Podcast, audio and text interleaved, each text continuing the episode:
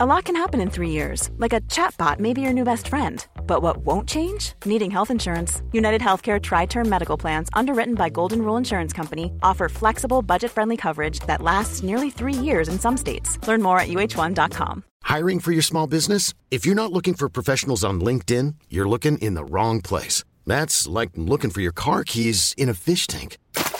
LinkedIn helps you hire professionals you can't find anywhere else, even those who aren't actively searching for a new job but might be open to the perfect role. In a given month, over 70% of LinkedIn users don't even visit other leading job sites. So start looking in the right place. With LinkedIn, you can hire professionals like a professional. Post your free job on linkedin.com slash achieve today. Wow. Nice. Yeah. What you're hearing are the sounds of people everywhere putting on Bombas socks, underwear, and t-shirts made from absurdly soft materials that feel like plush clouds.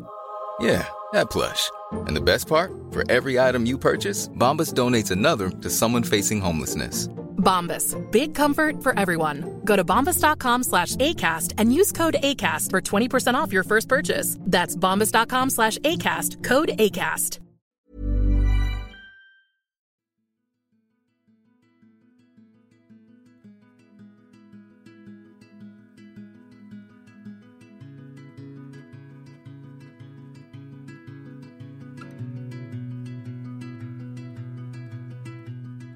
Hej och varmt välkomna till podden Sorgsnack. Det här är en podd som berör allt som har med sorg och svåra förluster att göra. När livet inte blev som vi hade tänkt, när något oväntat händer och hela ens liv vänds upp och ner över en dag och när vi tvingas ta farväl av någon vi älskar. Min förhoppning är att genom podden bidra till att hjälpa andra människor ge stöd, utbilda och sprida kunskap och inte minst inge hopp. Jag som gör podden heter Lia Persson, är journalist i grunden och även certifierad handledare i sorgbearbetning. Idén till podden föddes ett år efter att jag förlorade mitt första barn. Det här var början på mitt nya liv. Livet som nybliven mamma och samtidigt änglamamma.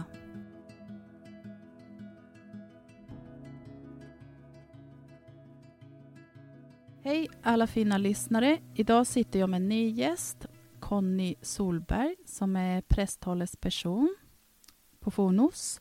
Döden är ett eh, samtalsämne som väcker känslor, inte minst under dessa tider. Och när vi sitter här och spelar in det här avsnittet så är det den första november. Och eh, alla helgons dag är nu på lördag, den 4 november. Så det är ju snart. Men eh, samtal om döden är lite vardagsmat för dig och något du har jobbat med väldigt länge. Berätta gärna om det och eh, vad du gör. Och välkommen Conny. Tack så jättemycket. Eh, Conny Solberg, som sagt, är 43 år, är från Dalarna. Så att, eh, jag har ett, eh, ett varmt dalahjärta som, som klappar i, i min kropp. Eh, har jobbat på Fonus sedan 2015 2019 och eh, har, har gjort karriär, om man, om man kan säga det så. Då. Eh, så jag har gått från kundrådgivare till, eh, till nu då, presstalesperson. Vad spännande. Mm. Och eh, jag berätta lite, hur kommer det sig att du valde att jobba med just sorg och eh, med döden? Jag är utbildad inom vården från början, så jag är undersköterska och skötare. Så jag har, har jobbat mycket inom äldreomsorg och, och psykiatri. Så jag har varit nära döden och, och sorg och, och, livet väldigt, väldigt mycket. Och det här är ett ämne som jag tycker är fint att, att få ta del av. Jättevackert att få prata om och, och, och liksom vara nära människor på, på så vis. Så att ta steget och, och börja jobba med döden på det här viset då, som jag gör idag, det, det var inte svårt. Det, det kändes liksom naturligt att göra det. Jag har väl någonstans alltid varit lite nyfiken på det här med, med liv och död. Jag, jag har alltid tyckt om ja, men, du vet, kyrkogårdar och, och hela den här biten. Jag tyckte det var väldigt lugnt och, och trivsamt att vara i den miljön. Så jag sökte faktiskt jobb på Fonus när jag var 18 år. Ja, och, och, det var lite grann som att jag kände att ja, men det, det här, det här liksom pockar min uppmärksamhet på något sätt. Jag fick komma på intervju och eh, jag fick tyvärr inte jobbet då, jag var lite för ung. Men eh, de, de tyckte att jag var, var trevlig och lätt att ha att göra med och, och sådär. Ja, sen då, lite senare här, 2015, då, då fick jag chansen och då var jag inte 18 längre. Så, så då, då fick jag faktiskt möjlighet att, att jobba med, med det här. Och jag kan inte riktigt säga varför jag dras till det, men jag, jag tycker att det, det är fint och, och, just det här att få göra skillnad för människor. Det är någonting som, som ligger mig jättevarmt om hjärtat och det har alltid gjort det. Men för mig blir det lite grann, när jag går på en kyrkogård, då får jag gå lite, liksom, gå bland historien på något sätt. Det, det, här är personer som är begravda på den här platsen. Det här är personer som har format oss till de som vi har blivit idag. Eh, så, så, det blir väldigt ärofyllt att gå där och jag, jag kan gå och titta vad det står på, på gravstenar och om det är grosshandlaren eller om det är ja, du vet, bibliotekarien kan det stå ibland och lite sådana saker. Så för mig så är det att, att vandra runt i historien, i, i andra människors liv lite grann. Ja, men det är verkligen det. Det har jag märkt nu. Jag vet inte, ja, du har säkert lite koll på lite olika kyrkogårdar och så, men eh, nu när vi ändå kom in på det. För Norra begravningsplatsen i Solna, mm. Är du väl bekant med? Inte väl bekant. Jag, har, jag har varit där. Ja, ja, ja, För det är ju Sveriges tredje största kyrkogård. Så där kan man ju verkligen det här med historia och många kända personer som ligger begravda där. Mm. Där man ofta, eller där, när jag är där, Eh, och hälsar på min son så ser jag väldigt många turister eller folk som går just med en karta och eh, ibland går och lyssnar också. För det finns ju på vissa ställen där man kan ja, stanna till för att besöka graven och också höra mer om den personen. Och där ligger ju eh, kända författare till eh, han som skrev nationalsången för Sverige, mm. eh, Du gamla, du fria. Så det är ja, väldigt spännande. Gamla statsministrar ligger ju också där. Mm. Ja. Och, och, det är ju, man får ju verkligen vara nära. Och, och du säger att du besöker din son. Mm. Och det är ju för att vara nära. Mm. Och, det är samma sak när man går runt bland andra gravar. Där, där blir man ju på ett sätt nära de personerna som är begravda där. Och, och det är det jag tycker är så vackert och, och fint. Ja, min son ligger ju faktiskt begravd precis, eh, eller bakom honom så ligger en gammal statsminister, Per Albin Hansson. Ja. ja Eh, det är många gånger vi får liksom hänvisa folk som går runt där och, och tittar och känner sig lite så här vilsna och tror att de har hamnat fel för Aha. att de ser oss och sen en liten grav, alltså för ett barn. Och så bara, nej men det, det är här, det är precis där liksom bakom. Ja, då, då blir du lite, lite turistguide ja, nästan då? Ja, det, det, blir ju, det, det har hänt flera gånger faktiskt. Men vi valde faktiskt den graven vi hade fyra platser att välja mellan och vi valde den bland annat dels för att vi känner att det här är en plats där folk kommer ändå hitta till ah. och uppmärksamma och se det. Och det händer många gånger. Man ser just där folk som står där och kanske hälsat på statsministern men också stannat till och ser liksom Alexis grav och det känns ändå fint att folk går förbi där. Ah. Att det inte blir så undangömt. Nej. För vi vill inte att det skulle bli det, att det skulle kännas för långt in mot kyrkogården. För som sagt, det är ju en jättestor kyrkogård. Och där han ligger, det är ju precis liksom i början, på utkanten, så det är ändå fint för att där går ju folk och på andra sidan staketet så cyklar ju folk förbi och sen är det en liten bilbana. Så det är ändå mycket liv och det kändes på något sätt ja, men fint att det skulle vara så, fortsätta liksom mm. finnas liv runt omkring. Det är jättebra, det är helt rätt tänk tycker jag. Jag, jag, jag tycker att det är jätteviktigt att man pratar om, om livet som stort. Liksom. Och, och, i livet så är ju döden väldigt betydelsefull. Eh, konstigt att säga det så, men, men det är det faktiskt. Döden är en så stor del av livet. Därför att om vi tänker att vi lever, vi lever länge, förhoppningsvis. Eh, vi har mött väldigt många människor på vår, på vår resa. Eh, det här är personer som, som kommer dö. Eh, kanske inte före oss, men efter oss. Och, och någonstans så, bara det här att prata om det, gör att det blir lite lättare att förstå det. Sätta sig in i att det här är en del av livet. Förr så pratade man ju jättemycket om sådana här saker och i andra kulturer och så, så är det ju fullt normalt. Men i Sverige har det blivit lite grann att vi gömmer undan ämnet. Det, det blir obekvämt och det blir jobbigt att prata om det. Eh, jag fick här, eh, blev utnämnd till en av Sveriges eh, superkommunikatörer genom Resumé. Och det är just för att ja, jag har försökt... Grattis. Ja, men tack så mycket. tack så mycket. Nej, men jag försöker lyfta ett ämne som, som det inte pratas om, därför att jag tycker att det är så viktigt. Idag så vill vi veta allting om allting. Liksom. Men vi vill inte prata om döden. Och, och, i min värld så blir det lite märkligt. Varför ska vi gömma undan ett ämne bara för att det är jobbigt? Det blir mycket bättre om man pratar om det. Såklart kommer det vara sorgligt, det, det går inte att komma ifrån. Men det blir inte lika tungt att bära. Därför att vi kan bära det tillsammans. Så det, det är viktigt för mig tycker jag. Så jättefint att du, att du lyfter just, just hans grav så här i, i det här sammanhanget också. Och jag, jag ser på dig, du ler ju nu när vi pratar. Ja, men det, det är ju klart att det mitt i allt det hemska som vi ändå gått igenom så känns det ändå fint. Och eh, det är ju egentligen det vi har kvar, alltså så fysiskt som man kan ta på eller mm. gå till. Som ändå kopplat till honom, även om han finns ju liksom med oss hela tiden och sådär. Men eh, av, det, av den anledningen så känns det ändå liksom, ja men det är såklart viktigt att eh, prata om det, prata om honom och eh, ja. Mm. Och sen så valde vi att ha det som en familjegrav. Mm. Också för att, ja men just den här, med det här att, uh, apropå uh, tillsammans och att vi skulle kunna de som vi kommer lämna efter oss, alltså våra levande barn, ska ha någonstans att uh, också gå till. Och uh, där vi alla kommer vara samlade till slut. För att, som du är inne på, döden är ju en stor del av livet. Och nu har vi ändå blivit tvingad att tänka på den delen, alltså själva slutet. Mm. Um, det blir väldigt påtagligt. ja, precis. Och framförallt för vår del, när vi skulle gå och eh, leta efter en, en gravplats som också skulle bli liksom vår gravplats framöver. Det är ju en väldigt speciell känsla. Men um, så med, med, med det i baktanken, liksom, vi kommer ju lämna det här till våra levande barn mm. sen. Mm. Och någonting som de kan känna att, eh, ja, men för oss känns det att det ska vara någonting naturligt ändå. Mm. Att prata om, att gå till graven och eh, att veta innan liksom att så, så, här kommer det gå till. Eh, lite det här att um, ja, men man kanske kan säga alltså förbereda dem inför det, för att det kommer ju komma förr eller senare. Mm.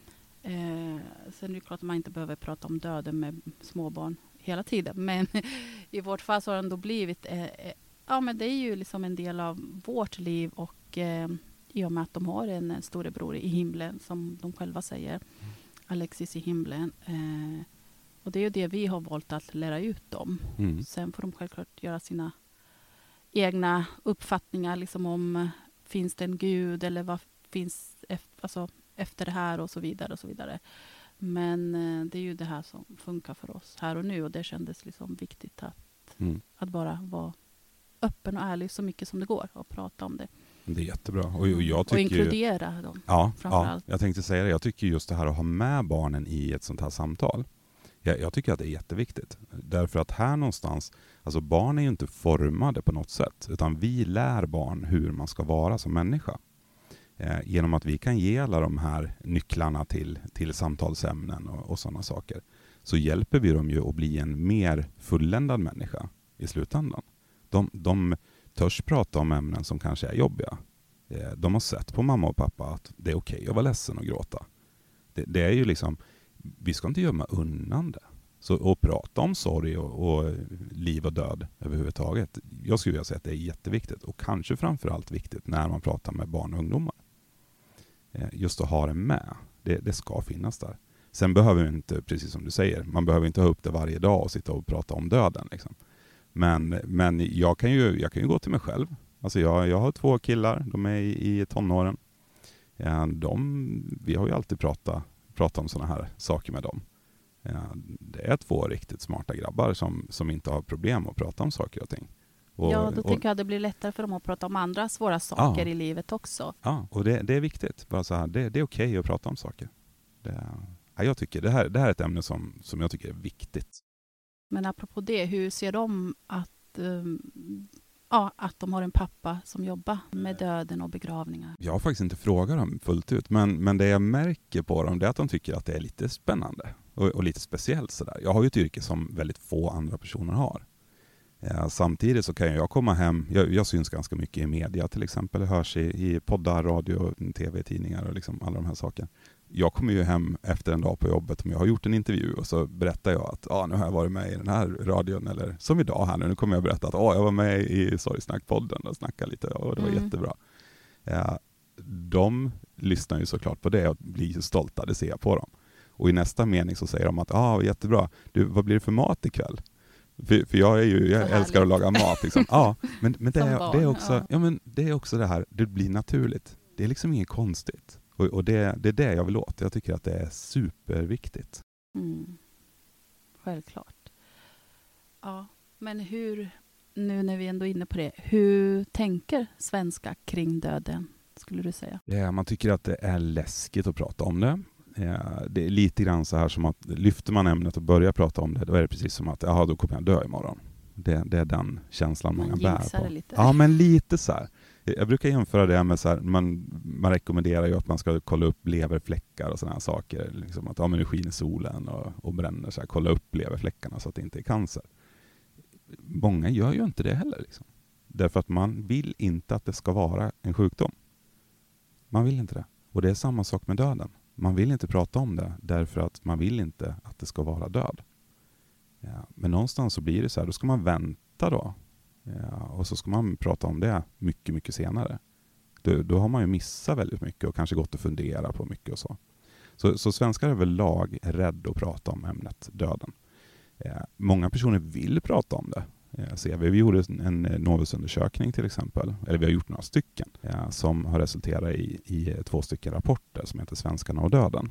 Ja, just det. Jag läste ju det. Ja, Mm. i det Det var här väldigt eh, intressant och spännande det som stod där. Ja. Mm. Ja, men det är det. Och, och i det här så ser vi att många vill prata om det, men man vet inte riktigt hur. Hur Och alltså. Exakt. Hur börjar man prata om Nej. det? Hur bryter man i sig? Ja. Ja. Ja, men det är som, som jag säger, jag får ganska ofta frågan om Vita arkivet till exempel. Mm. Det kan jag tänka mig. Ja, Vita arkivet är ett dokument där man skriver upp hur man vill ha det när man har dött. Hur, hur vill jag att min begravning ska vara? Eh, lite grann så här, ja, men jag har de här försäkringarna, jag tycker om den här musiken, jag skulle vilja ha en eh, vit kista eller en svart kista och foto Ja, blommorna på. Ja, eller inga exakt. blommor alls kanske. Ja, eller, ja. eller jag, jag bryr mig inte utan ut upp till er. Ja, liksom. precis. Ja. Så det, det finns jättemycket där. Eh, Men jag får väldigt ofta frågan där, hur börjar jag prata om det här hemma? Man kanske tar med sig Vita arkivet hem till, till föräldrarna eller någonting så här. Man tänker att oh, men nu måste vi börja prata om det här för de börjar bli lite uppåt åren. Hur inleder jag samtalet om döden? Och den är ju jättesvår. Den är det. Alltså man, man kommer hem med ett, ett dokument och sen säger man så här, hej hej nu ska vi prata om döden. Eh, Då, då kommer ju folk bli knäppa. Liksom. Det, det blir jättekonstigt. De kommer fundera på vad har hänt? Nu har det slagit runt. Liksom. Vad vet du som inte jag vet? Ja, exakt. Har du varit ja. hos doktorn nu eller? Ja. Ja. Nej, så det, det är svårt att liksom säga exakt så här ska man göra. Men, men jag tycker att man ska närma sig ämnet. Man kan säga så här, ja, jag lyssnade på en jättebra podd i bilen nu när jag åkte hit och de pratade om ämnet döden. Ja, hur, hur tänker ni kring det här med döden och sådär? För vi har ju aldrig pratat om det. Det behöver inte vara svårare än så egentligen. Och en del vill absolut inte prata om det. Inte på, på något sätt. Och då måste man acceptera det också. Så det är viktigt att man möter människor där människor är. Absolut. Jag tänker också att genom att göra det eller fylla i det här vita arkivet. Nu måste jag ändå erkänna att jag själv har inte gjort det, men jag har ändå pratat om det med Mm. min man lite. Om någonting skulle hända mig så vill jag, framförallt är det här och det här viktigt för mig. Så. Sen har jag tänkt många gånger att jag ska ta tag i det här med vita arkivet. Redan då för fem år sedan när vi förlorade Alexis faktiskt, då laddade jag ner den. Så, eh, men det var inte förrän då som jag blev medveten om Alltså vad är Vita arkivet egentligen? Mm, så. Innan dess så hade jag inte kommit i, i kontakt med Vita arkivet. Nej. Men eh, jag tänker att det är ju en bra grej om man tänker liksom att man faktiskt underlättar för de som man lämnar efter sig. Att det är en gåva Mm. som man kan ge dem. Att man har chansen, alltså möjlighet att ge dem den här gåvan. Mm. Eh, En, ända sedan jag började på Fonus så har jag sagt att Vita arkivet känns som en kram som man ger till de som blir kvar efteråt. Och, och det är någonting som jag bär med mig än idag. Vita arkivet är en kram för de som blir kvar. Det var väldigt fint sagt. Ja, det- jag förstår verkligen Ja. hur du menar. Mm. Och, det, det, egentligen idag finns det inga ursäkter att inte skriva. Det, det finns, man går in på, på nätet bara och söker på Vita arkivet. Sen loggar man in med sitt mobila bank-id och sen så är man igång. Liksom. Ja, precis. Så det, det är bättre att, bättre att göra det än att Mm. inte göra det. Mm. För vi vet inte vad som kommer Mm. hända och ske. Nej. Nej, Så- men precis. så är det. Ja, det är en bra grej att Mm. ta tag i. Men det blir ju, vi är ju också väldigt eh, vana att just göra det här att vi skjuter saker Mhm. framför oss och tänka med jag tar det sen, jag tar det imorgon. Eller det finns tid för det, vilket förhoppningsvis så finns det ju gott om tid om det. Men som sagt, man vet ju aldrig. Nej.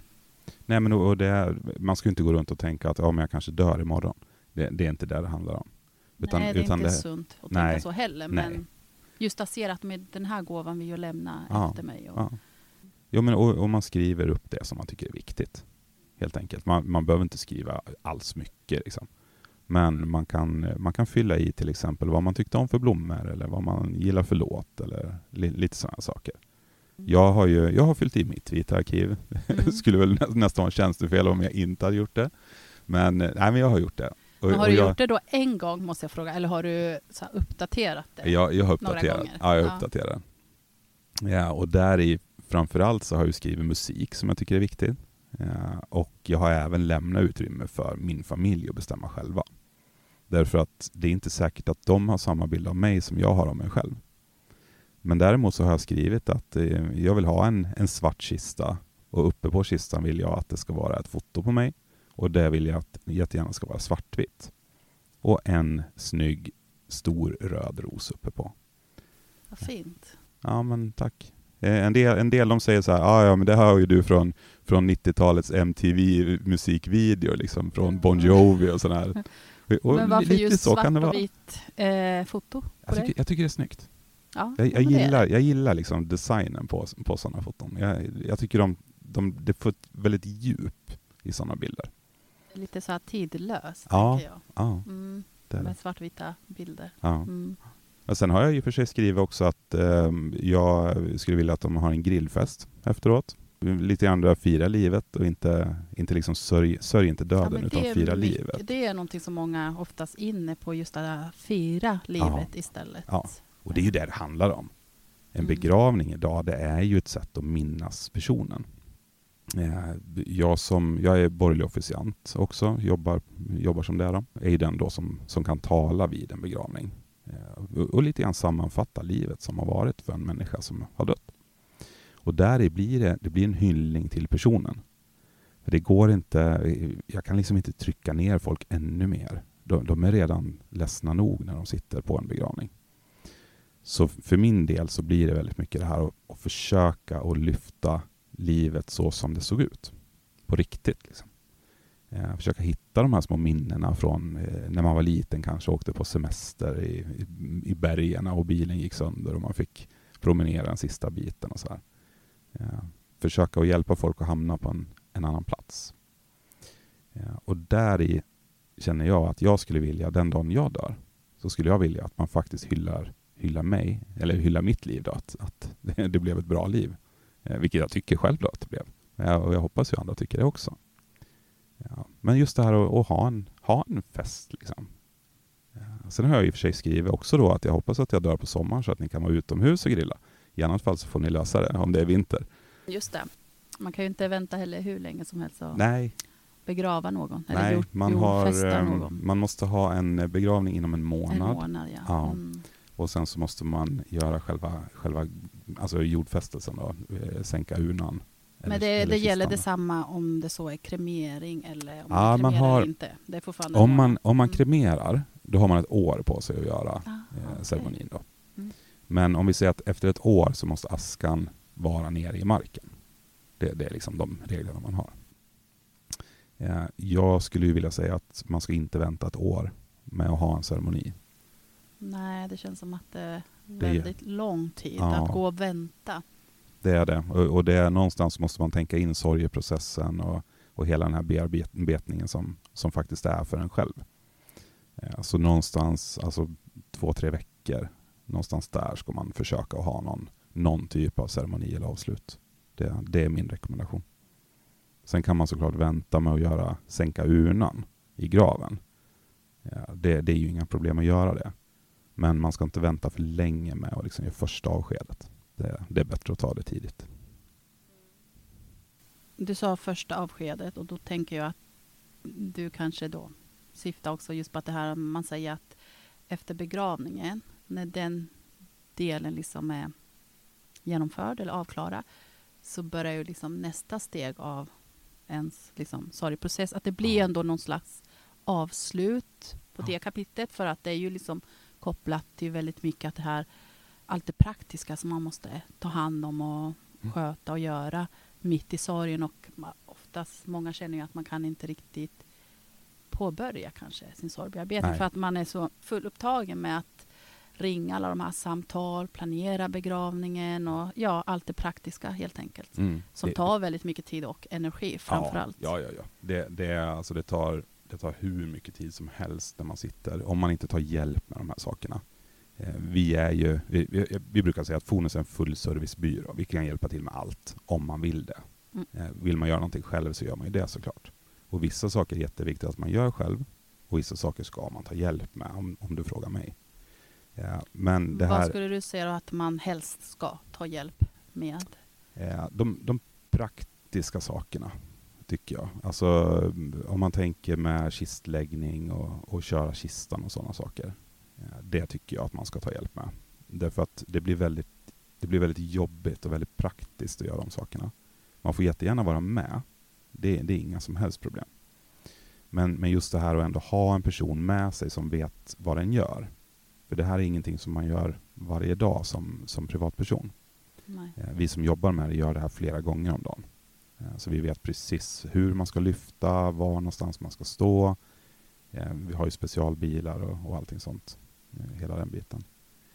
Sen alltså de här praktiska sakerna, om vi säger försäkringsutredningar och liksom ta reda på vad hade man för försäkringar. Eh, Är det någonting som ska börja på säljas? Eh, Bouppteckning och sådana här saker. Det, det är ju sådana här saker som en del är ju jätteduktiga på det och kan det. Men jag skulle vilja påstå att de flesta inte är så duktiga på det. Så det är också rekommenderat att ta hjälp med. Ja, det är nog svårt om man inte har gjort det innan. Ja, Tänka mig. det är det. Mm. Sen, sen är det ganska, ganska vanligt faktiskt att, att människor kommer till oss och tror att man kan eh, göra i ordning liksom, i kyrkan eller kapellet eller så här, vid begravningen själv. Eh, och det kan man, det, det är ju inga problem. Men det är också en situation som blir väldigt känslofylld. Eh, det, det är jobbigt att stå på en begravning och göra i ordning för sin egen mamma eller pappa eller sitt barn eller vem, vad det nu är för någon. Eh, Mm. Så att där tycker jag också att man kan ta med personalen som stöd. Och samma sak där, man får jättegärna göra i ordning vid, vid kistan eller urnan eller vad man nu har för någonting. Men med hjälp av oss som, som kan stötta upp ifall man faller och, och liksom brakar ihop där. För det är inte så roligt att, att stå där och bryta ihop och sen så vet man att nu, nu kommer det snart 70 gäster som ska komma här och jag är inte klar, jag står här och, och gråter. Liksom. Jag, jag mår så dåligt för att man hamnar där. Eh, så vi vet ju inte liksom, var någonstans är vi mentalt just i de här frågorna. Det, det är svårt det där. Mm. Så, men, men jag skulle väl säga att man ska ta hjälp med det som man känner att det här behöver jag verkligen hjälp med. Och framförallt fråga. Mm. Prata om det. Hur går det till praktiskt nu? Vad behöver göras? Och kan jag göra någonting själv? Och, och Mm. hela den biten. Ja, det du berättar nu var lite min situation faktiskt när vi skulle ha eh, begravningen för Alexis. Okej. Jag ville ju gärna dekorera kyrkan och fixa med blommorna sådär själv. Mm. Men vi hade faktiskt anlitat Fonos och eh, hon kvinnan som vi fick då till hjälp var ju helt fantastisk. Men hon, hon fanns ju med där Mm. hela tiden vid sidan av och hjälpte ju också till självklart. Vilket så här i efterhand så insåg jag att det var ju bra, Mm. väldigt bra. Eh, för att jag hade inte klarat av det att göra det helt själv. Eller jag och min man bara. Och min mamma då, eh, som också fanns där. Men eh, för mig var det ändå viktigt att få ha med de sakerna som jag ville ha på plats. I det här fallet eh, ballonger. Mm. Jag älskar ballonger. Och sen eh, är det ju ett litet barn så då var det så väldigt fint att kunna ha lite heliumballonger Fint. inne i kyrkan. Mm. Vad symboliserar ballongerna för dig då? Ja, men, eh, hopp, eh, men också kärlek, eh, liv, någonting som liksom finns kvar och lite så symbolik att eh, hans själ liksom svävade iväg upp mot himlen och det gjorde de här ballongerna också efter själva ceremonin när vi släppte iväg dem. Ja, Eh, fint. så ja, och jag har alltid älskat ballonger bara. Ja, ja. Det är en sån grej jag har. Ehm, Ballonger är ju en Ja. sån här sak som är, det, det är liksom lite lekfullt och, och det, det, det symboliserar liv. mm. Så, så är det. Och jättefint att ni släppte dem efteråt. Och liksom, ja men här, det är symboliskt. Mm. Men det är någonting som vi har lite gjort som en tradition också. Att när han fyller år och sen på julen så släpper vi ballonger. Ja. Mm. Är det olika färger då, eller har ni alltid samma färg? Nej, det är lite olika färger. Ja, Mm. vad bra. Jättebra. Och när det är jul då är det liksom ja, julmotiv på dem. Ja. Mm. Det är ju alla sådana här, eh, om vi kallar dem för ritualer eller vad vi nu ska säga, eh, benämna det med, är jätteviktigt för oss människor. Just att kunna hantera ett sånt här ämne. Eh, om vi säger som, du nämner julen till exempel. Vid julen har vi ju ljus som får brinna. Ljusen i sig symboliserar väldigt ofta tankar, känslor, personer. När vi tänder ett ljus, då, ska vi prova, testa det vid något tillfälle. Tänd ett ljus och tänk på till exempel din son som du saknar. Eller någon annan människa som, som har avlidit. Då. Där i så, så blir lågan i sig blir så jättebetydelsefull. Så jag brukar faktiskt säga att just det här när, när jag har en, en borgerlig begravning inför jul så brukar jag påminna om att det första ljuset som ni tänder sen i adventsljusstaken, låt det symbolisera den här personen. Därför att då blir den personen med på ett helt annat sätt än, än ifall man bara man firar julen och bara kör på. Liksom. Det ska vara all mat och ja, men alla ska vara glada och lyckliga och allting sånt där. Jag, jag tycker att man ska låta historien ha sin gång. Vi ska ha med oss de personerna som har betytt någonting i våra liv och, och långt tillbaks också. Och där får vi lite det här ljuständningen vid allhelgona nu till exempel, Mm. som vi gör. Vi, eh, vi kommer tända hur mycket ljus som helst över hela Sverige, liksom. både digitala och Det är fysiska. så och- fint. Ja, det ändå. är det. Ja. Och, och det är lite grann när man går runt där på en kyrkogård då. Nu, nu, är ju, nu älskar jag kyrkogårdar, jag tycker att det är superfint. Men när man går runt på en kyrkogård, bland alla de här ljusen som brinner, för människor som har levt. Det är ju lite grann som att stjärnhimlen har kommit ner liksom på marken. Och där får man gå runt bland stjärnorna och, och bara tycka att det är fint och vackert. Så jag, Det är något väldigt speciellt, ja. Ja, jag, ja, men det älskar, det. Jag, jag älskar också att gå till kyrkogården när det är alla ja, helgons dag. Det är ja, så otroligt vackert. ja, men det, det är fint och, och man ska, man ska, man ska ta in det. sätt. Ja, Mm. ta in det. Det, det, det är liksom, varför ska vi inte göra det? Mm. Det är samma sak som, nu, nu vet inte jag hur det är i, i stan, jag gissar på att det inte syns jättemycket stjärnor till exempel. Men jag personligen som bor på landet, jag kan komma hem efter en, en arbetsdag och, och liksom komma hem och det, är- det är stjärnklart på himlen. Och, och jag kan liksom stanna upp då någon liten minut och bara titta på stjärnorna och andas lite grann och så och försöka ta in det. det för mig är det väldigt betydelsefullt. Ett sätt att, ett sätt att hantera känslor och tankar och, Mm. och, och liksom bli medveten om saker och ting som finns runt omkring oss. Ja, men verkligen. I'm Sandra, and I'm just the professional your small business was looking for. But you didn't hire me because you didn't use LinkedIn jobs. LinkedIn has professionals you can't find anywhere else, including those who aren't actively looking for a new job but might be open to the perfect role, like me. In a given month, over 70% of LinkedIn users don't visit other leading job sites. So if you're not looking on LinkedIn, you'll miss out on great candidates like Sandra. Start hiring professionals like a professional. Post your free job on linkedin.com/achieve today. Hey Dave, Yeah, Randy. since we founded Bombus, we've always said our socks, underwear, and t-shirts are super soft. Any new ideas? Maybe sublimely soft. Or disgustingly cozy? Wait, what? I got it. Bombus. Absurdly comfortable essentials for yourself And for those facing homelessness. because one purchased equals one donated. Wow, did we just write an ad? Yes. Bombas. Big comfort for everyone. Go to bombas.com slash ACAST and use code ACAST for 20% off your first purchase. Ja, när man jobbar med det här med, med döden så blir man väldigt ödmjuk inför saker och ting.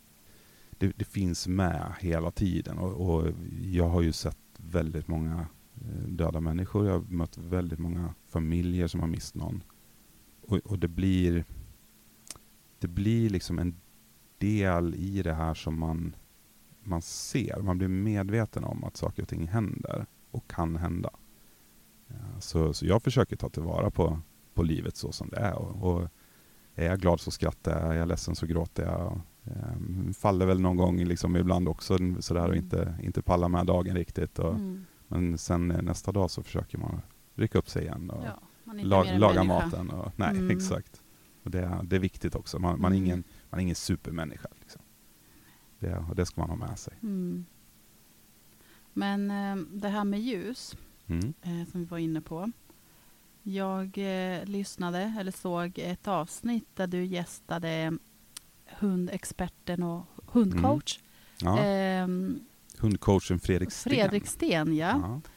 Ja. Eh, vilk- det var otroligt fint att höra dig och eh, sen var ju också Johanna Johanna, Lindbagge. Lindbagge, Ja. inbjuden till det här samtalet. Otroligt vackert. Jättefint. Men det var ju kopplat till då husdjur, Ja. när man förlorar ett husdjur. Och det är också ett ämne som är högst ak- aktuellt för min del. Eh, jag fick ju tyvärr avlida min ena hund, eller min hund som jag haft sedan 12 år tillbaka Ja. eh, rottweilern Balder som har verkligen varit, eller han, han var ju min första bebis. Mm. Ja. Det var han ju verkligen.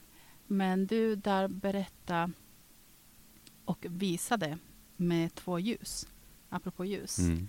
Eh, kan, kan du berätta lite om, om det? Alltså, jag tyckte det var så himla fint att det fick mig att börja gråta. Ja. Och sen när jag skulle ut och, och rasta min andra hund, vi har ju en schäfer kvar nu också, så vi har en schäfer som är nio år, hon blir snart tio.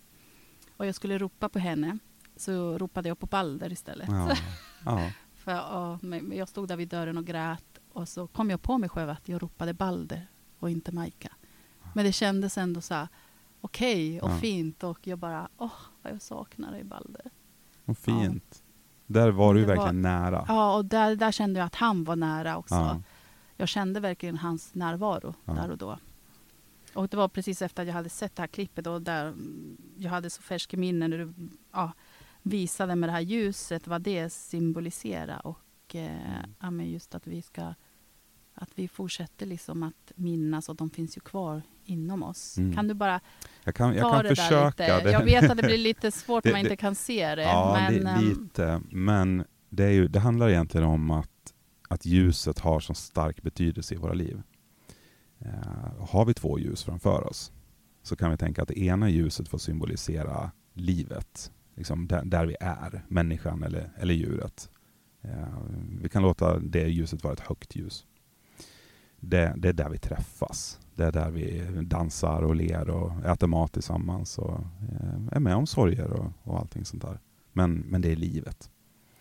Eh, bredvid där så, så har vi ett lägre ljus. Eh, jag brukar använda mig av ett hjärtljus som är format som ett hjärta. Och det här ljuset tänker jag symbolisera minnet. Minnet efter ett liv. Minnet efter den personen som vi saknar. Alla som har sett ljus brinna vet ju hur ljus värmer och vet skönheten i lågan. Men alla som har sett ljus brinna vet också att ljus till slut slocknar. De brinner ut. Och där i, när vi då släcker det höga ljuset så har vi ett ljus kvar som brinner. Och det är det ljuset som är format som ett hjärta. Det ljuset kan aldrig någonsin slockna. För det är minnesljus. Det brinner i våra hjärtan, i de minnena som vi har efter en annan människa. Och genom att vi bevarar de minnena och hanterar dem med respekt och kärlek och, och allting sånt, så händer ju det här magiska.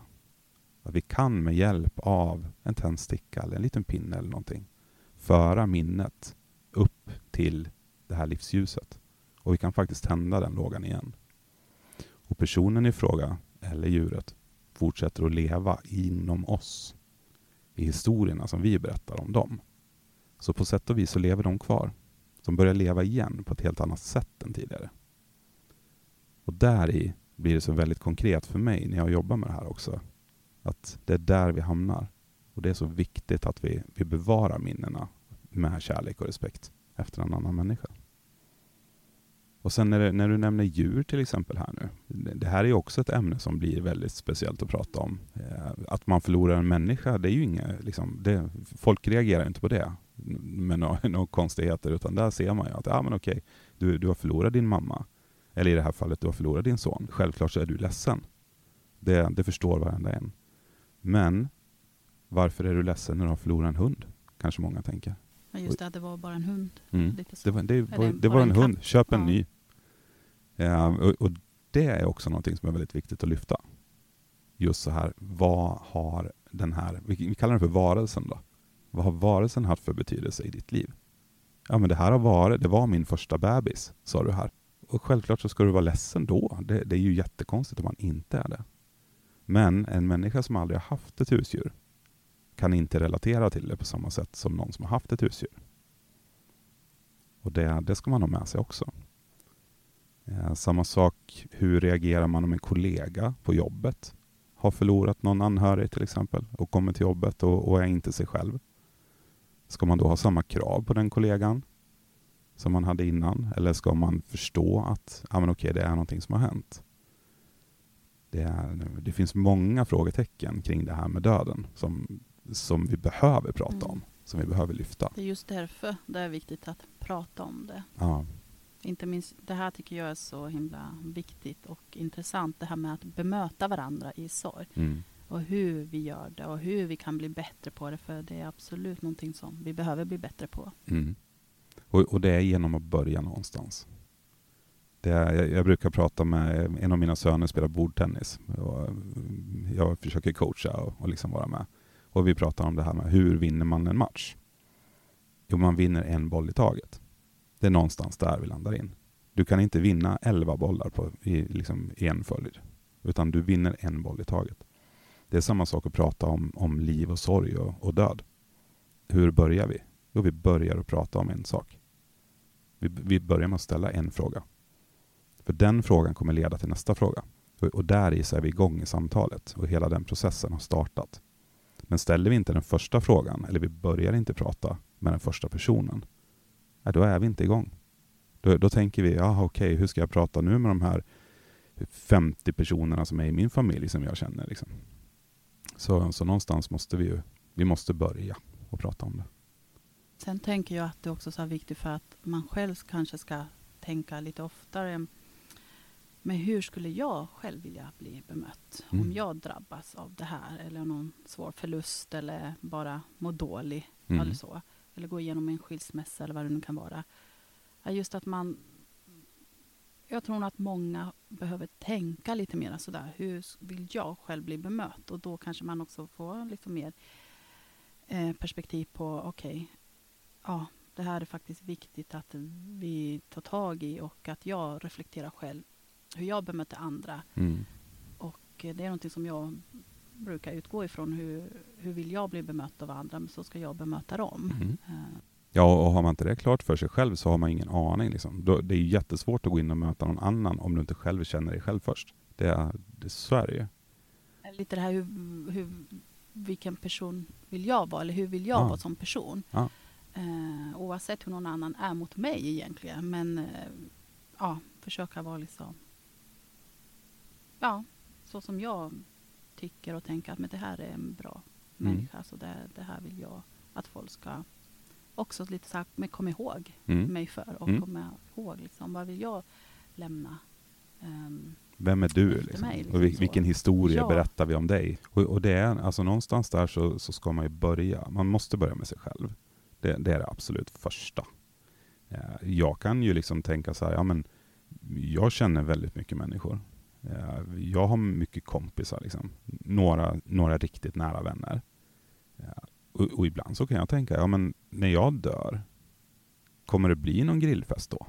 Liksom, ja men kommer folk ja, komma? säga Ja men kommer det komma någon? ja. Jag, det har ju inte jag Mm. någon aning om när jag är nu. Liksom. Jag, har- jag har inte den blekaste aning. Nej. Men jag tror det. Och, och jag hoppas det. Och, och med det i hjärtat så, så tänker jag att jag, jag ska leva tills jag blir över hundra. Jag har sagt det, jag, jag ska passera hundra. Eh, och då ska det vara fyrverkerier. Och, och dör jag före så får barnen lösa lite fyrverkerier. Det blir Eh, ja, men jag hoppas ju det någonstans. Men det är ju lite så här, lite intressant också när vi tittar på hur länge man lever idag och, och allt, allting sånt. Eh, människan spås ju bli äldre och äldre eh, när vi tittar på alla de här hjälpmedlen som finns och så. Men det är också så här, när en människa har passerat en viss ålder, då är det precis som att man, man har alltid funnits. Man har alltid levat och man kommer alltid leva. Så ibland så är det att någon som är 102 år och dör, är jätte, alltså det blir jättesorgligt i den situationen. Därför att den här personen är odödlig. Mm. Man såg den som odödlig. Ja, ja. Så man tror inte det skulle hända. Nej. Och det är fascinerande faktiskt hur vi fungerar. Men det är ju rent, rent psykologiskt så, Mm. så är vi där. Liksom. Ja, jag håller med om det. Lite så kände jag när min farfar gick bort för snart två år sedan. Och det gjorde han åtta månader innan han skulle fylla 100. Jaha. Mm. Så han blev 99. Ja, Och det var också en sån grej man tänkte, ja, han, han bara lever på. Liksom. ja, han bara kör. Ja. Eh, nog för att jag förstod sen att han var sjuk, han fick ju cancer och levde ändå med det ett tag och så. Men ändå då så var det så här, nej han kan väl inte dö? Nej. Ja, lite så. Ja. Nej, han har ju alltid funnits i mitt liv. Ja. Mm. Det är lite grann som, har du läst Ronja Rövardotter? Med Skalle-Per och, och Mattis. Det är, det är lite grann den situationen. Han har funnits jämt och nu finns han inte. Mm. Så det är ju klart, även om han blev 99 och nästan 100 så var det ju en, en sorg när han dog. Och Ja. Det är klart att jag blev ledsen. Och sen var ju många som var också snabba och påpekade att men han, tänk att han ändå levde så länge. Herregud, han blev ju nästan 100 år. Ja, det är klart, men Mm. Men, nu, men nu är han ju död. Liksom. ja, man ja. får bli ledsen ändå. Ja. Man, man ska, Ja. alltså nå, någonstans så blir det så här, man ska ju vara ledsen. Har man känt eh, känslor för en, en annan människa, liksom vänskap, kärlek, vad det nu är för någonting, så blir man ju ledsen när den personen slutar leva. Det, det går inte att komma ifrån. Men, men man ska aldrig glömma personen. Utan man ska fortsätta att prata om, om den, eller berätta historien om den. Och ha kvar, kanske några saker hemma och hela den där biten. Därför att de här personerna som har levt innan oss har format oss till de som vi är idag. Och det är därför det är så fint att till exempel gå runt på en kyrkogård bland den här historien. Och, och bara, bara vara. Liksom. Man, man får vara där tillsammans med dem. Det, det är jättehäftigt. Men också väldigt speciellt. Ja, och och det, det ska man också ha med sig, att vi är olika. Vi, vi pratar om olika saker, vi tycker olika saker är okej att, att hantera. Eh, vi har, vi har olika erfarenheter av livet. Och, och det, det kan vi inte heller liksom bortse ifrån när vi pratar om döden till exempel. Som jag sa förut, en del vill absolut inte prata om det. Då ska man inte heller tvinga det på dem. Vi, vi måste respektera varandra och, och göra livet så bra det bara går. Liksom. Jag tänker att de som oftast känner sådär, eller säger att man inte vill, att de ändå kommer komma dit förr eller senare. Mm. Att det blir, ja i vissa fall kanske att man blir illa tvungen, eller att det kommer plötsligt, men att någon gång så kommer de ändå hamna där. Mm. Att de kommer behöva prata om det. Ja. De, de flesta människor som kommer till mig är ju gamla. Eh, de flesta lever tills man är gammal. Det, det är det vanligaste. Eh, jag möter ju folk ibland som säger att ja, alltså vi, vi har aldrig pratat om det här. Jag har ingen aning. Jag, jag, vet inte, jag vet inte ens vilken musik vi ska ha. För vi har aldrig pratat om det. Och där i ser jag en sorg hos många. Lite grann att man, man kanske känner sig nästan lite lurad på ämnet. Och som jag sa, så här, Vita arkivet är en kram för de som blir kvar. Men man har aldrig kramats på det här sättet. Så att den, den finns liksom inte där hos folk. Ja, och, och där kan jag känna lite sådär att, ja men, men du, snälla, stackars. Det, för jag ser ju att det är väldigt jobbigt. Men det kanske inte heller hade blivit bra ifall man hade tvingat den här personen att svara på frågan. Då kanske det istället hade blivit en konflikt och man hade blivit osams och det hade blivit jättejobbigt. Så det är viktigt att man känner också balansgången där. Vad, vad, är det som, vad är det som vi kan prata om? Vad kan vi inte prata om? Men framför allt så ska man ställa den första frågan. Och, och det tänker jag, det är väl jättebra ifall man nu har lyssnat, lyssnat på din podd till exempel. Eh, kommer hem och säger att ja, men jag, jag hörde en, det var en begravningsentreprenör där, han kallade sig för superkommunikatör och han hade gjort jättemycket och officiant var han. Conny heter han, jobbar på Fonus. Han, han lät ganska vettig. Vad tänker du om det här med liv och död förresten? För vi har aldrig pratat om det hemma. ta, ta chansen. Mm. Jag tycker att det är viktigt, för det, det kommer, de här samtalen kommer berika. Eh, Framförallt så här års nu. Ja, nu är det, det, Nu är det ändå liksom lite mer, känner man, okej att prata just Ja, om döden. det är det. Tända ett ljus Eh, eller någonting. Alla helgona. ja. Mm. och det blir det. det. Är mycket, det är mycket döden nu i Mm. media. När man tittar. Det, Hur, hur känns det för dig och för er just med det här med alla helgona? Så? Det är jättefint. Alla helgona, vi, vi är ju, vi, vi har nu när folk hör den här kampanjen, eller hör podden här nu så, så är det lite för sent att, och beställa ljus. Men vi har en tjänst som är för femte året i år, där vi hjälper till att tända ljus för de som inte har möjlighet att göra det själva. Som vi, så vi gör kostnadsfritt och, och går ut och, och hjälper till helt enkelt. Här går vi ut, hela företaget går ut. Alltså alla? Ja, ja jobbar? alla. Vi har några som, som måste svara i telefon när det gäller hämtningar och sådana joursaker och sånt. Men vi har alltså allt, har allt ifrån oss som jobbar. Ja, vad bra. Vad bra. Ja, vi, vi går ut och vi har Peter, våran VD, kommer springa runt med mössa och, och grejer. Och liksom. Alla, Vi alla går brukar få verkligen ut. några ljus från Fonus Ja, i Alexis grav faktiskt. ja, det är bra. Mm. Det är bra. Så det känns fint. Ja, men det är också en sån grej som, det är ju så enkelt egentligen, till exempel någon åker och hälsar på och tänder ett ljus, men som ändå betyder så mycket för dem Mm. som är kvar, de som liksom anhöriga och Mm. sådär, eller föräldrarna om man har nu förlorat ett barn och så. Ja. Och, och det är ju, någonstans så blir vi ju, vi blir så medvetna om de här ämnena. Nu när mörkret börjar komma och det blir lite ruggigt och kyligt och man, man tänder ljusen inne och sådär.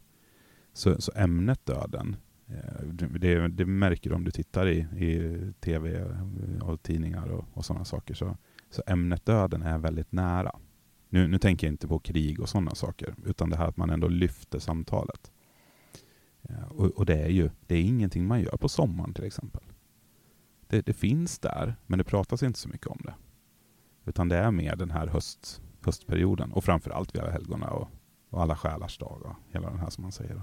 Ja, men precis. Har du, du jobbar ju med det här och har gjort det nu ett tag, men har du personligen, alltså på privat plan, drabbats av sorg själv? Ja, jag har ju, om vi ser närmast här nu, så min morfar eh, dog till exempel. Och eh, jag hjälpte ju till att, att planera tillsammans med en kollega då, så att det skulle bli, bli fint och så. Ja, så det är väl det närmaste jag har i, i, i liksom, ja, man, som man säger då, har blivit drabbad av. Då. Mm. För det, det är väl det Direkt uttrycket man använder. Ja. Ja. Och, och det är ju såklart, det var ju tufft. Ja, där i så, så förflyttades ju jag från professionell begravningsentreprenör till att vara anhörig. Eh, Jag, jag hade bestämt mig för att när han dör så ska jag spela och sjunga Fattig bonddräng. Jag spelar gitarr och sjunger. Så, så den, den körde jag. Problemet var ju bara att när jag sitter där framme i kyrkan, har klappar på kistan och ska börja sjunga, så lyfter jag blicken och så tittar jag på, på folk som sitter där, precis som jag gör när jag är borgerlig officiant. Och så ser jag ju min familj som sitter och gråter. Och där kände jag bara, åh oh shit. Här, och så ska jag sjunga nu också. Jag börjar ju gråta. Och, och, och det, blev, det blev ju verkligen påtagligt också att ja, nu flyttades jag från min yrkesperson till min privatperson. Jag kunde sjunga, så jag kunde genomföra låten. Eh, vilket kändes jättebra. Men det, det blev väldigt nära och väldigt Det påtagligt. kändes lite extra. Ja, Mm. men väldigt fint också. Det, det Mm. blev liksom på riktigt. Vad skulle du säga är det svåraste med ditt jobb? Det svåraste med mitt jobb är att eh,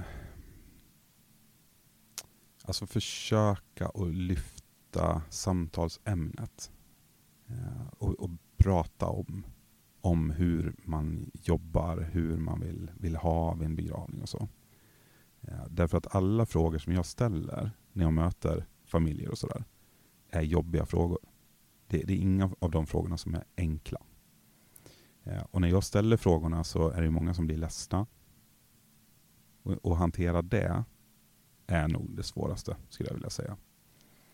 Eh, jag brukar se det lite grann som att jag får gå in i en familj. Jag får ställa mig i mitten. Och sen så får jag försöka att liksom dra i små trådar och hjälpa dem med alla de sakerna som de behöver ha. Sen när allting är planerat, färdigt, genomfört, då får jag kliva ut ifrån familjen. Och så får jag liksom putta dem vidare ner för, för bäcken lite grann som en sån här gammal barkbåt som, som liksom följer strömmen neråt. Ja, men just att vara i det är, är det svåraste. Jag har ju lärt mig att hantera det. Jag, jag har ju utbildning inom psyk psykiatrin till exempel. Så jag, jag kan ju, jag, jag, vet hur jag ska prata med människor. Men det är ändå det svåraste, att, möta andra i deras sorg. Du nämnde ju också att du oftast, de du träffar och så, är ju lite äldre. Mm. Som kanske också har förlorat någon som är ja, med vuxen ålder eller lite äldre. Sådär. Mm. Men har du någon gång kommit i kontakt eller hur mycket erfarenhet har du av att eh, när det kommer till barn? Jag har gjort några barnbegravningar. Eh, både planerat och sen har jag också varit eh, officiant och talat på barnbegravning. Och det är ju också någonting som är, jobbigt såklart. Ja, det, det går liksom aldrig, ett, ett barn har aldrig levt färdigt. En vuxen människa eller en gammal människa kan ha levt klart. Om du, det var om du förstår det jag mig ville komma in på. Ja, precis. För att, Mm. Som du nämnde tidigare också, det här att ja, man lyfter och hyllar livet. Mm. Men när det kommer till ett barn, då kan det Mm. vara väldigt svårt. Eller av egen erfarenhet så vet jag att det är svårt ibland nästan så att det känns helt fel och eh, omöjligt att göra. Mm.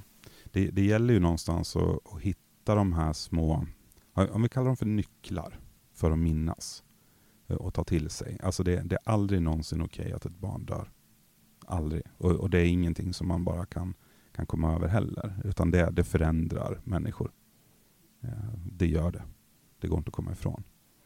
Men om vi säger att vid en, om jag till exempel hade varit borgerlig officiant vid Alexis begravning, så hade jag försökt att påminna er om ja, men, eh, första gången han öppnade ögonen, vad ni såg, eh, ifall han tog tag i ett finger till exempel.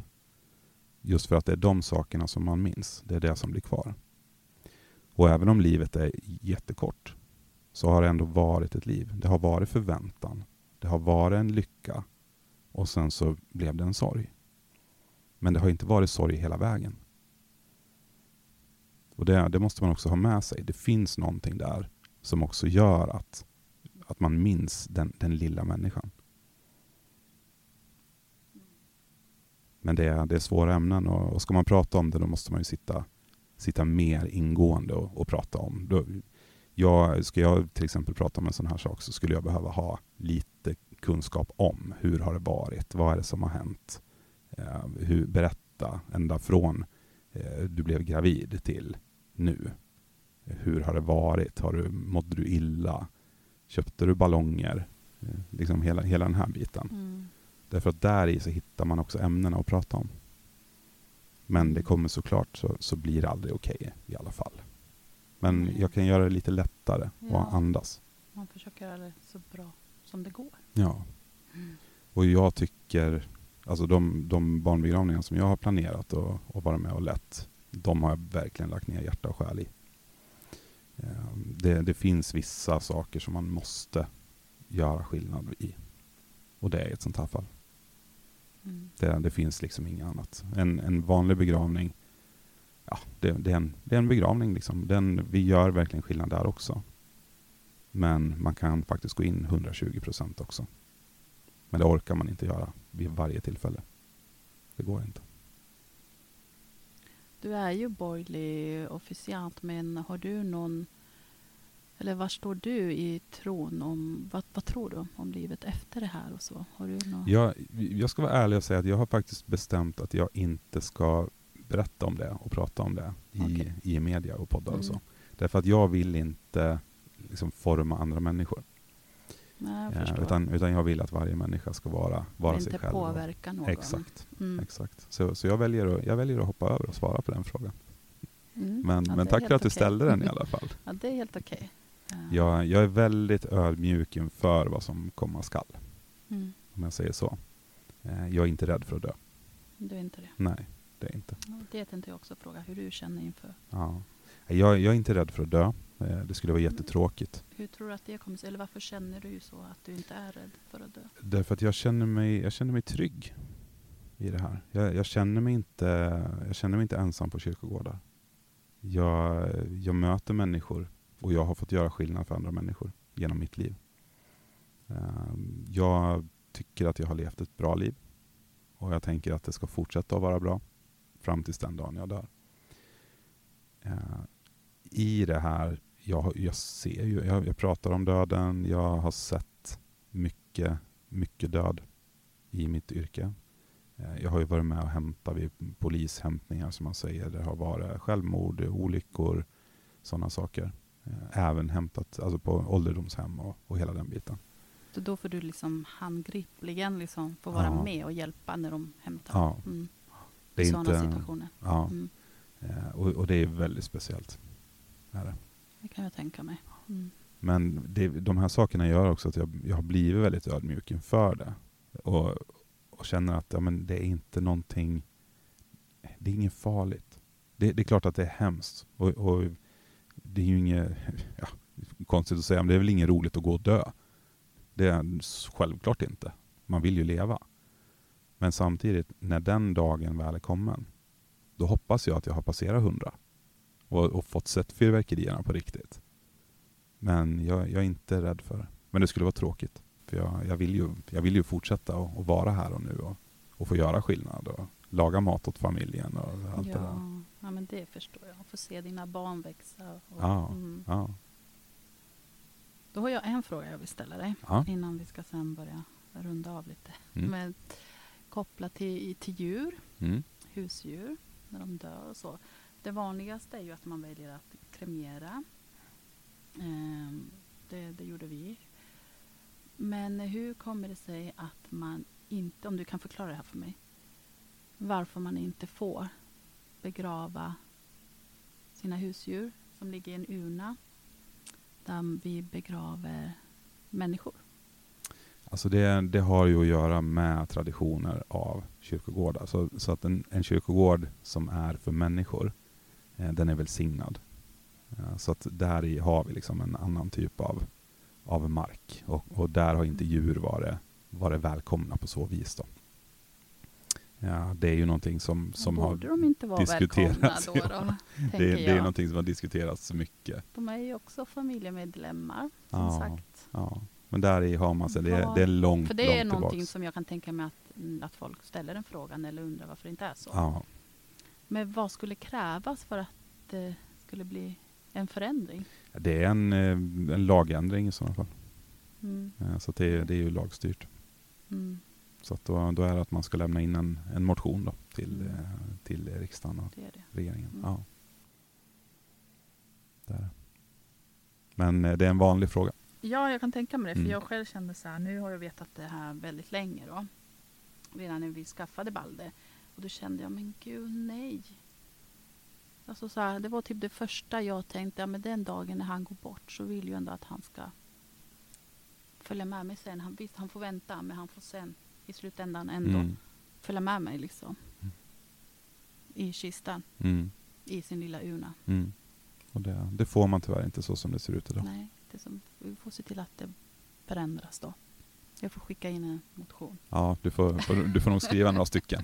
Jag får skriva några. Jag kanske får med mig flera här då, som, som också skickar in. Mm. Ja, ja men då, då vet jag det. Fått lite mera klarhet kring det. Bra. Mm. Det har varit jättefint och intressant att få samtala med dig. Vad bra. Jag säger detsamma. Och tack för att jag fick komma. Jätte, jättebra snack. Mm. Och skulle det vara så att ämnet blir aktuellt framöver så kommer jag jättegärna tillbaks. Mm. Ja, Absolut. det, som Du är jag, så som varmt jag säger, välkommen. tack så mycket. Kan Men- vi göra skillnad så ska vi. Ja, verkligen. Men eh, avslutningsvis, har du någonting som du vill skicka med lyssnarna? Någonting som du kanske känner att ja, men det här har jag glömt bort att säga som är jätteviktigt? Alltså då, jag, jag skulle vilja säga så här. Var inte rädd för att prata om ämnet döden. Var inte rädd för det.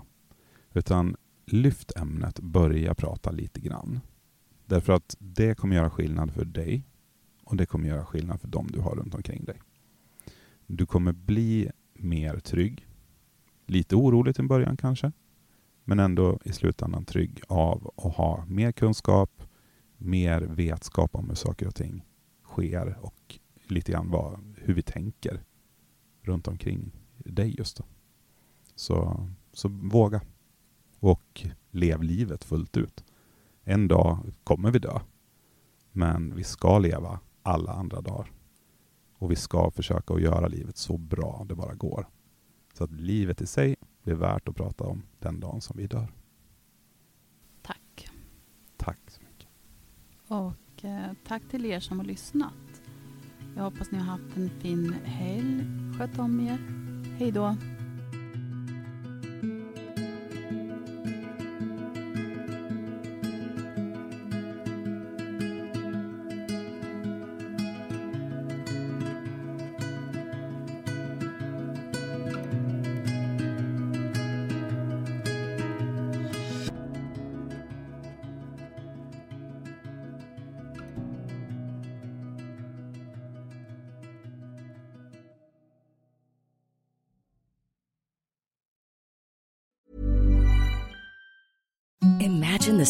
Softest sheets you've ever felt. Now imagine them getting even softer over time. That's what you'll feel with Bowl and Branch's organic cotton sheets. In a recent customer survey, 96% replied that Bowl and Branch sheets get softer with every wash. Start getting your best night's sleep in these sheets that get softer and softer for years to come. Try their sheets with a 30-night guarantee. Plus, get 15% off your first order at bowlandbranch.com. Code BUTTERY. Exclusions apply. See site for details.